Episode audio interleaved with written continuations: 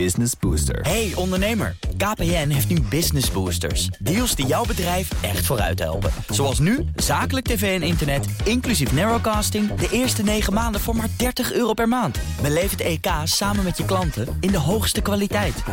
Kijk op kpn.com slash businessbooster. Business Booster. Die duikt nog verder omlaag. Dat en meer bespreken we in het economenpanel vandaag. Bestaande uit Lucas Daalder, Chief Investment Strategist bij BlackRock. Bas Jacobs, hoogleraar Economie en Overheidsfinanciën aan de Erasmus School of Economics. En Menno Middeldorp, hoofdeconoom bij de Rabobank. Mijn zakenpartner is Sarah Liesker, oprichter van Liesker Procesfinanciering en Incassobureau Ceres Legal. Welkom. Dit is het economenpanel, welkom dus. Maar uh, toch nog even een beleggersvraag. Dat is meestal pas dinsdag. Maar die, die olieprijs die zorgt voor uh, stevige dalingen op de beurs. Lucas, wat is jouw eerste reactie toen je... Hè, ik neem aan dat je het vanochtend ook meegekregen hebt, die, die spectaculaire dagen. Ja, nou, anders dan uh, ben ik er om je bij te praten. Dank je. Uh, totaal onvoorzien, een beetje voorzien. Nou, dit, de, zeg maar, dit was een, uh, een, een, extra uh, element. Dus uh, dat er al paniek zou komen over het coronavirus was al duidelijk. We hebben over het weekend Italië gehad toch wel een beetje chaotische uh, taferelen daar. Uh, dat dat al voor wat onrust op de beurs zou, zou leiden, was ook wel duidelijk. Maar dit is een extra element. Uh, dat we nu opeens tegen een olieprijs aankijken die nou ja, een stukje lager staat. Zullen we daar maar op houden? dat is een extra element in die zin dat vooral voor veel olieproducerende bedrijven wordt dit toch wel een beetje een pijnlijke zaak. Bas? Ik denk dat uh, het op zich goed nieuws is dat de olieprijs omlaag gaat. Want we zien nu wereldwijd dat de productieketens ontregeld raken. Dat is een aanbodschok voor de wereldeconomie. Uh, dat is een negatieve aanbodschok. Die lage olieprijs creëert een positieve aanbodschok. En uh, dat dempt de, de, de, de, neergang die we nu zien. Het is natuurlijk vervelend voor die, voor die oliemaatschappijen en die bedrijven. Maar het is denk ik goed voor de economie als geheel. In ieder geval voor Europa en India en um, olie-importerende landen.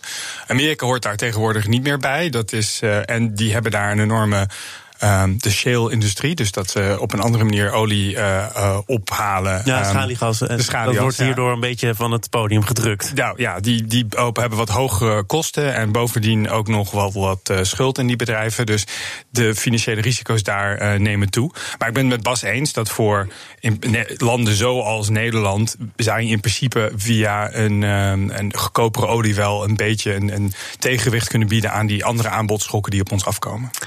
Dan zijn er de afgelopen dagen uh, verschillende ramingen naar buiten gekomen. Van de, van de OESO, van de CPB. Rabobank heeft ook een uh, voorspelling gedaan. Negatiever dan het CPB. Ja. Menno, hoe verklaar je dat verschil? En overigens, ten eerste, waar komen jullie op uit? Nou, wij komen uit op 0,7% groei voor uh, Nederland dit jaar. Um, op basis van um, de uitbraken van de virus die er tot nu toe al zijn. En daar zie je eigenlijk vooral in uh, uitstralingseffecten, vooral vanuit China via de, de waardeketens. Die wereldwijd last ondervinden van het gewoon eigenlijk stopleggen van de Chinese economie voor, voor dagen en weken. Um, en dan um, heb je natuurlijk ook uitstralingseffecten vanuit Italië. Um, het is ook een handelspartner, maar je ziet natuurlijk ook heel veel reizen die gecanceld worden. Uh, dus dat soort effecten, dan denken we dat we op een lager groei uitkomen. Nou vind ik 0,7% niet super laag. En, en als je denkt dat de Nederlandse economie uh, qua trend groeit, dus wat er op lange termijn wat je vol kan houden, 1% is ongeveer, dan is 0,7 niet meteen een heel zwaar min-scenario. Zo'n scenario zou je wel in kunnen komen als je ook hier een uitbraak hebt aan de Italië en je alles op slot zet. Ja, dan, dan krijg je ook in Nederland een recessie. Een krimp van uh, min 0,2 procent. Ja, ja we hebben inderdaad een kleine krimp in zitten onder dat scenario voor Nederland. En dat komt eigenlijk omdat de uitgangssituatie, en dan kom je eigenlijk een beetje op het scenario van de CPB, dat zien wij eigenlijk als de uitgangssituatie voor de virus. En Um, ja, we hebben eigenlijk best wel een goede uitgangssituatie. We hebben aardige loonsgroei, lage werkeloosheid. Uh, we hebben ook ruimte om de schok op te vangen als we dat willen, omdat we een gezonde begroting hebben. Dus dat betekent dat we eigenlijk een minder negatief scenario hebben voor Nederland, zelfs als de pandemie echt maar helemaal losgebreekt, dan, uh, dan voor andere Europese landen. Is, is iedereen het uh, daarmee eens? Premier Rutte hoorden we in het begin van dit programma ook zeggen: de financiële markten zijn wellicht wel in paniek. Maar als je kijkt naar de uitgangssituatie van Nederland, je kijkt naar de overheidsfinanciën, hoe we het allemaal op orde hebben, dan zouden we een schok ook kunnen opvangen. Bas, heeft u daar gelijk in?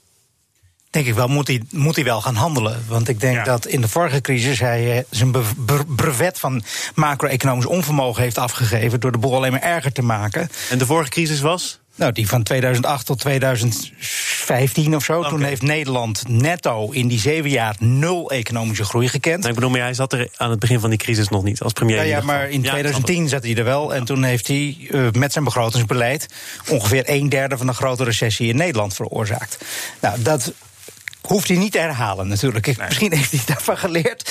Maar ehm, de, eh, de Nederlandse begroting staat er inderdaad, zoals Menno eh, zegt, goed voor. We kunnen prima anticyclisch begrotingsbeleid voeren als de economie daarom zou vragen. We moeten het alleen wel gaan doen als dat eh, nodig zou zijn. En daar ben ik nog niet helemaal van overtuigd gezien wat we de afgelopen tien jaar hebben gezien. Ja, want anticyclisch beleid, dat zou dan betekenen, wat zou die moeten doen? Nou, je kan aan verschillende dingen denken. Ehm, wat we eh, in, de, in, in, in de crisis hebben gedaan, bijvoorbeeld met het eh, wandelgangenakkoord, was in één keer die knop van die BTW indrukken, zodat we eh, zoveel miljard meer opbrengsten hadden. Nou, je kan nu bijvoorbeeld denken aan belastingverlaging als het economisch tegen zit. Wat ik denk dat je zeker zou moeten doen, maar dat zeg ik al een jaar of acht, gezien die lage rentes, is het rendabeler geworden om allerlei overheidsinvesteringen nu te gaan doen. Vandaag constateer ik dat de rente op 30 jaar leningen nog nooit in de Nederlandse geschiedenis zo laag heeft gestaan. Op 30 jaar kan de overheid nu voor min 0,4 procent eh, eh, lenen. Dit is nu het moment om investeringen in onderwijs te doen, om die energietransitie te financieren. Er komt toch een groot Eh, fonds? Of heb ik dat allemaal niet goed begrepen? Ik, ben daar, maanden? daar ook wat sceptisch over. Het fonds vind ik overigens geen goede manier om overheidsinvesteringen mee te doen. Ik zou veel liever zien dat de overheid een gulden financieringsregel aanlegt in de overheidsbegroting. Dat voor aantoonbare rendabele investeringen. CPB of zo moet dat, zou dat moeten aantonen. Maar voor aantoonbare rendabele investeringen zou je die willen financieren met het uitgeven van staatsschuld. En niet direct uit de lopende begroting financieren. Heb je geen fonds voor nodig. Lucas. Nou ja, kijk, de effectiviteit van welk overheidsbeleid dan ook werkt eh, beter op het moment dat het een breed gedragen beleid is. Dus ik zou zeggen, het is leuk dat we in Nederland de ruimte hebben en eh, misschien ook wel wat gaan doen, al dan niet, dat weten we ook niet eens zeker. Eh, ik ben er zelf meer voorstander van dat hier gewoon op een Europees niveau naar gekeken wordt. En ik, ik zie wel degelijk de, de, de, de, neer, de, zeg maar de, de risico's en de downside voor het coronavirus. Ik bedoel, de, de raming van Rabobank die ligt al lager dan die van CPB. Maar zelfs die gaat denk ik nog wel uit van een redelijk optimistisch scenario. Dat het in Nederland niet ook helemaal uit de klauw gaat lopen. Op het moment dat je eh, gaat, een situatie gaat krijgen als dat je hele provincies gaat platleggen. Zoals we dat in eh, Italië hebben gedaan. Ja, dan valt er weinig aan te ont- ontkomen dat je inderdaad tegen een recessie aan zit te kijken. Nou, dan moet je echt gewoon centraal, en liefst niet alleen Nederlands, maar gewoon Europees zeggen. Van, jongens, laten we de boel nou eens even serieus aanpakken. Ja, en het die, de reden dat je zo'n grote economische impact eh, eh, krijgt, is omdat je om te stoppen dat de virus verspreidt en om de belasting voor de ziekenhuizen uit te smeren, je, je ingrijpt en dingen op slot zet. Dus het heeft een functie. Het kan daarmee levens redden. Dat is dus belangrijk.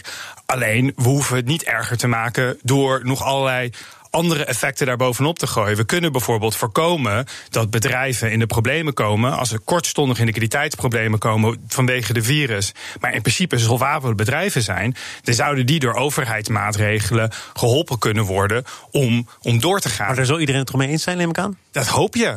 dat hoop ik. Ik hoop dat we nu ehm, dus dat achter wat Rutte zegt dat er een goede uitgangspositie is, dat dat, daar ben ik met hem eens. De uitgangspositie is goed, maar de schok is ook groot. Ik hoop dat, ehm, dat er hard wordt nagedacht bij beleidsambtenaren, bij DNB en ECB, hoe we hier een goede overheidsrespons op kunnen zetten op het moment dat we echt inderdaad die pandemie-scenario ingaan. Wat zouden dan maatregelen kunnen zijn die Europa zou kunnen treffen als Europa dat inderdaad op gaat Ja, je moet inderdaad denken aan eh, het, in leven houden van bedrijven die tijdelijk liquiditeitsproblemen hebben. Dus niet, niet, niet bedrijven die in principe eh, niet levensvatbaar zijn, maar gewoon bedrijven die tijdelijk liquiditeitsproblemen hebben, die probeer je in leven te houden.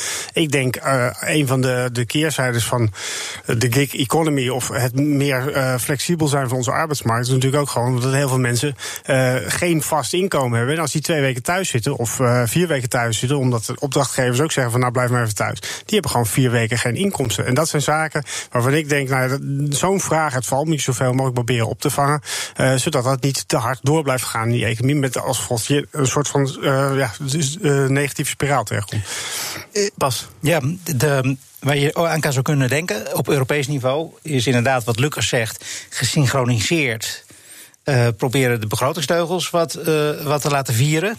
Uh, niet gesynchroniseerd de teugels aantrekken. Twee, de centrale bank die zal vermoedelijk wel weer allerlei discussies gaan opstarten over kwantitatieve verruiming. Ik weet niet hoe effectief dat is uh, met die rentes die al op nul staan. Maar de centrale bank kan natuurlijk wel het een en ander doen om te zorgen dat liquiditeiten voor banken en bedrijven uh, uh, beter beschikbaar komen. En je kan dan denken aan die long-term refinancing operations-achtige constructies, waarbij financiering voor, voor bedrijven makkelijker beschikbaar wordt via, via de banken. Faciliteren, daar komt het neer faciliteren, ondersteunen. Precies op wat Lucas zei. Dat je wil proberen te voorkomen dat bedrijven door korte termijn liquiditeitsvragen niet omvallen. Ook al zijn ze lange termijn. Maar je denkt dat de discussie een andere kant op zou kunnen gaan. Namelijk de kant waar het vaker eh, op, op uit gaat komen, namelijk uh, verruiming. Ja, nou, dat, dat, weet ik nog niet eens. De bedoel, natuurlijk wordt daar in, in, in Europa aan de ene kant eh, veel druk gevoerd op Lagarde om weer inconventioneel beleid te voeren. Ik denk dat ik daar met heel veel critici daar uh, eens ben dat het heel weinig effectief is. Dat het veel effectiever is om begrotingsbeleid te voeren. Maar daar zie je in Europa geen enkele bereidheid tot nu toe om de, nou, de, de, de, de, begrotingsteugels gecoördineerd wat te vieren. Nou, de begrotingsdiscipline van, van het verdrag van Maastricht is heilig. Nou, nou, je ziet nu al dat Italië ruimte heeft gekregen om geld uit te geven. Dus dat is al een stap in de goede richting. Jawel, maar uh, wat je nu eigenlijk ziet is een soort van uh, ja, allemaal kogels hier, kogels daar. Ja. Er is niet een coördinatie op, op het gebied van uh, de bestrijding. Dus je ziet in Amerika komt een pakket uh, eh, 8,3 miljard. Hartstikke goed, veel te weinig, maakt niet uit. Het is goed gekeurd, zijn we al blij mee. dan Italië, ja, Zuid-Korea. dus er zijn allemaal wel landen die nu maatregelen afkondigen. Maar op die manier ben je eigenlijk veel goed geld aan het weggooien. Het is veel effectiever als je dat gewoon in één keer centraal neerzet. Wat bedoel je met goed geld weggooien? Ik, nou ja, ik, maak dit, zelf, dit, voor mezelf nog niet echt het onderscheid tussen nee, goed en slecht. Nou ja, inderdaad, eh, het is misschien iets te veel vanuit de markt geredeneerd. Kijk, uh, wil, je, wil je ook rust krijgen, financiële markt, dan wil je natuurlijk ook een beetje het gevoel krijgen dat, dat men grip op de zaak heeft. Door elke keer van die losse, uh, niet gecoördineerde acties te doen.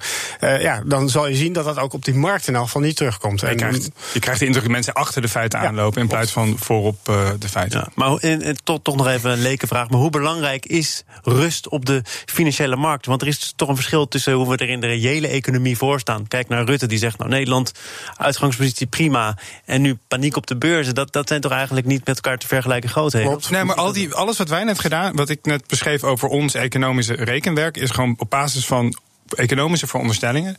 Daar zit, er zit beperkte financiële effecten in. Dus China heeft gewoon en, en, heeft gewoon de hele economie op slot gezet. En Italië is daar, ook, is er ook mee bezig voor een derde van hun economie. En als dat soort dingen verder verspreiden, ja, dan heb je gewoon een grote economische impact. Kijk, financiële markten zijn tweede één. Uh, dat we nu hier, het hier nu over hebben, uh, komt natuurlijk omdat we opeens allemaal uh, grote rode cijfers op de beurs zien. Dus het versterkt en vergroot. Bas, kijk nog even op het scherm. Ja, heel goed, ja, in de gaten. Het versterkt het gevoel van, oh jee, er is echt iets aan de hand. Hè. De, dus het versterkt ook het gevoel van, goh, misschien gaat het helemaal mis. Twee, financiële markten hebben wel degelijk een reële impact. Dus als je kijkt naar bijvoorbeeld bedrijven met bedrijfsobligaties, die moeten ze op een gegeven moment herfinancieren. Dan zie je dat die credit spreads inmiddels behoorlijk aan het oplopen zijn. Nou, dan kom je in die problemen die je eigenlijk het liefst wil voorkomen. Het economenpanel is hier. Lucas Daalder, Chief Investment Strategist bij BlackRock. Bas Jacobs, hoogleraar Economie en Overheidsfinanciën aan de Erasmus School of Economics. En Menno Middeldorp, hoofdeconoom bij Rabobank. Bas, ik wil toch nog even naar de uitgangspunten waarop we hier discussiëren. Namelijk ramingen van het CPB, van de Rabobank, van de OESO. Die hebben natuurlijk van tevoren afgesproken. Eerste week van maart, dan komen wij naar buiten met wat wij van de toekomst verwachten. En dan dit. Wat betekent dat voor hoe jij naar die ramingen kijkt? Um, ik denk dat die ramingen altijd met een korrel zout genomen worden, moeten worden. En dat, ja, wanneer de feiten veranderen, moet je je raming aanpassen. Maar dat konden ze gewoon niet. Uh, bedoel, dit is iets van, ik noem wat, de laatste uh, paar weken. Het was niet mogelijk om dat beter in, in te ramen. Maar die ramingen zijn wel belangrijk voor de komende regeerperiode. Want daar moeten voor de middellange termijn budgettaire kaders moet er overal worden genaagd. Wat gaat er met de zorg gebeuren? Wat gaat er met de pensioenen gebeuren? Dus het is heel belangrijk voor de beleidsvoorbereiding dat we een beetje een idee hebben hoe de Nederlandse economie zich gaat ontwikkelen. Natuurlijk is het zo dat je deze bijna direct in de shredder kan gooien. Uh, Geldt dat ook voor dat werk van de Rabobank? Nee, nee ik denk dat zij actueler op de data zitten dan, dan CPB. En, en, maar nogmaals, maar om eerlijk te zijn tegen de CPB, als dit nu even doorgaat, dit is geen kritiek, hoor. dan, uh, dan moeten wij ook naar een nieuw scenario. Dus dit is geen kritiek. Je kan, je kan niet van economen en van beleidsinstellingen en van banken verwachten dat zij ongeveer real-time de economie kunnen voorspellen. Dat zou, zou, dat zou waanzin zijn. Dat mag je niet verwachten van al deze mensen hier aan tafel en van het CPB. Ik bedoel, er bestaat geen glazen. Ja, maar jij zegt los daarvan neem ik het altijd al met een korreltje zout. Nee, want, want, want wat er uit die ramingen kwam, dat waren twee dingen die heel opvallend waren. Met één oorzaak, namelijk dat het CPB uh, eh, heeft de nieuwe prognoses van het CBS genomen voor het arbeidsaanbod. En daardoor schat ze ineens dat de structurele groei van de Nederlandse economie niet, zoals Menno net zei, 1% is, maar wel 1,5%. 50% toename van de structurele groei op basis van de nieuwe raming van het CBS. Tweede is dat het houdbaarheidssaldo, namelijk hoe het CPB berekent dat de toekomstige toekomstbestendigheid van de overheidsfinanciën is. Dus zorg hoort er onder andere in. Zorg, pensioenen en dat soort dingen. Dat, dat het houdbaarheidssaldo ineens gehalveerd is, het tekort gehalveerd is. En, en door, ook door die ene ramingverandering van, uh, van de CBS-prognoses. Dus, dus uh, dat toont aan dat je die, die cijfers met, met, met een behoorlijke uh, dosis capsus moet bekijken. Bovendien, en daar vind ik dat het CPB veel te weinig aandacht aan besteedt. Als die rentes voor de overheidsobligaties nu voor alle looptijden negatief zijn, is iedere houdbaarheidssom zo ongeveer ontploft. Mm. CPB blijft stug doorrekenen met een rente op de staatsschuld van 2,5 procent. Ja, dan hou je een houdbaarheid houdbaarheidstekort over. Als je met min 0,4 rekent, dan heb je helemaal geen houdbaarheidsprobleem meer voor de overheidsfinanciën. Het is dus... een relatief nieuw begrip, hè, dat houdbaarheidstekort of de houdbaarheidssommen, geloof ik, is pas sinds de jaren 5, 6 dat dat Sterker nog, het bestaat uh, sinds 2006 en ik ben de bedenker van het begrip. oh mijn nou ja, nee, ik ga je anders aankondigen.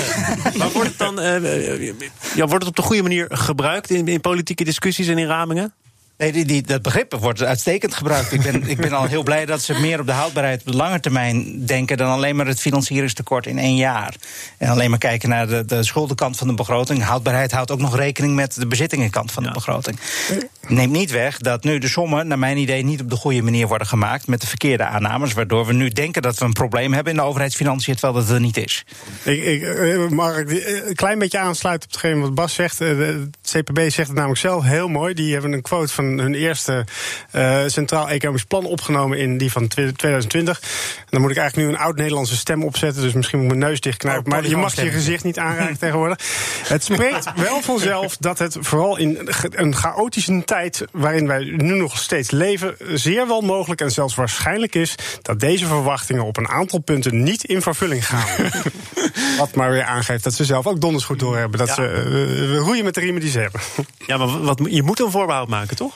Nee, dat klopt. Maar uh, kijk, dit is natuurlijk altijd een huzarenstukje.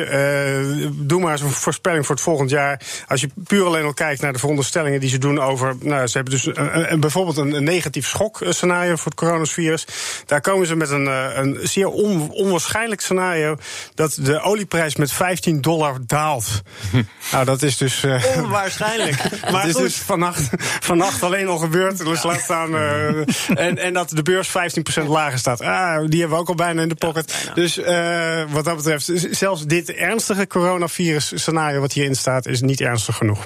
Met... Als je alle beursdalingen optelt van de afgelopen weken, inclusief vandaag, waarop kom je dan uit ongeveer? Ik denk dat nou, in Europa rond 20 procent. Ja, we zitten in Europa zit je al op 20 procent. dus dus dit, dit scenario is ook al. Nou ja, maar dan weet je weer niet, dan weet je niet wanneer, wat de pijldatum is. Ik heb wel gezocht wat de pijldatum was voor dit document, kon ik niet vinden. Maar het zal niet eind uh, augustus, uh, eind februari zijn geweest. Het zal ergens mid februari zijn geweest. En dan kan je net zeggen, ja, er is al 20% vanaf. Ja. Nog heel kort, een ander onderwerp. Het is namelijk de eerste maandag na Super Tuesday. Zo kun je er ook naar kijken. En dat betekent dat het aantal democratische presidentskandidaten ernstig is uh, teruggebracht naar drie, volgens mij, als ik heel eerlijk ben. Ja, en die mevrouw eigenlijk die, twee. Ja, precies. Maar goed, ik denk feitelijk is belangrijk in tijden van uh, fake news. Um, ja. wat, wat, als het nou bijvoorbeeld, uh, dus het wordt of Biden of het wordt Sanders namens de Democraten, maakt mhm. dat voor de financiële markten heel veel uit? Uh, ja, die, die, tussen die twee zeker. Um, en het maakt natuurlijk ook heel veel uit of het uiteindelijk dan Trump of een van die twee wordt. Uh, dus het zijn echt, er valt hier nu echt wel wat te kiezen in die zin. Uh, de vraag is, Sanders is natuurlijk veel meer een socialist. Een, een, woord waar veel Amerikanen allergisch voor zijn. Hij verkondigt heel veel ideeën waar we in Europa best wel um, normaal vinden. maar dat wil niet zeggen dat als hij in de macht komt, dat, dat hij dat, dat allemaal kan doorvoeren. want juist op de terreinen dat hij vooruit wil hebben, um, is de president niet zo machtig. En een president kan wel, zoals Trump heeft gedaan, allerlei milieumaatregelen schrappen en allerlei handelsoorlogen beginnen. Maar heel veel geld uitgeven zonder het congres is heel lastig. En het is maar de vraag of hij dan die meerderheid heeft. Dus ik voorspel voor als, als Sanders het wordt vooral heel veel spanning um, en veel uh, verhitte discussie. En ik denk ook wel wat beleid. Want Democraten willen natuurlijk wel meer dan, dan wat uh, de Republikeinen hadden gewild. Hij wil belastingverlagingen terugdraaien. Hij wil volgens mij grote banken opknippen. Zijn dat zaken waar hij dus wel over gaat? Nee, niet op, zich, niet op zichzelf. Nee, dan, dan moet hij wel dingen echt, uh, zeker als het gaat om belastingcentjes, moet hij echt het Congress meekrijgen. Uh, Biden is natuurlijk echt wel de kandidaat die uh, ja, die gewoon eigenlijk zegt van we moeten terug naar wat we hadden met, met Obama. Daar, dat, dat is ook zijn, gewoon zijn verhaal. En dan heb je natuurlijk dat Trumps kansen.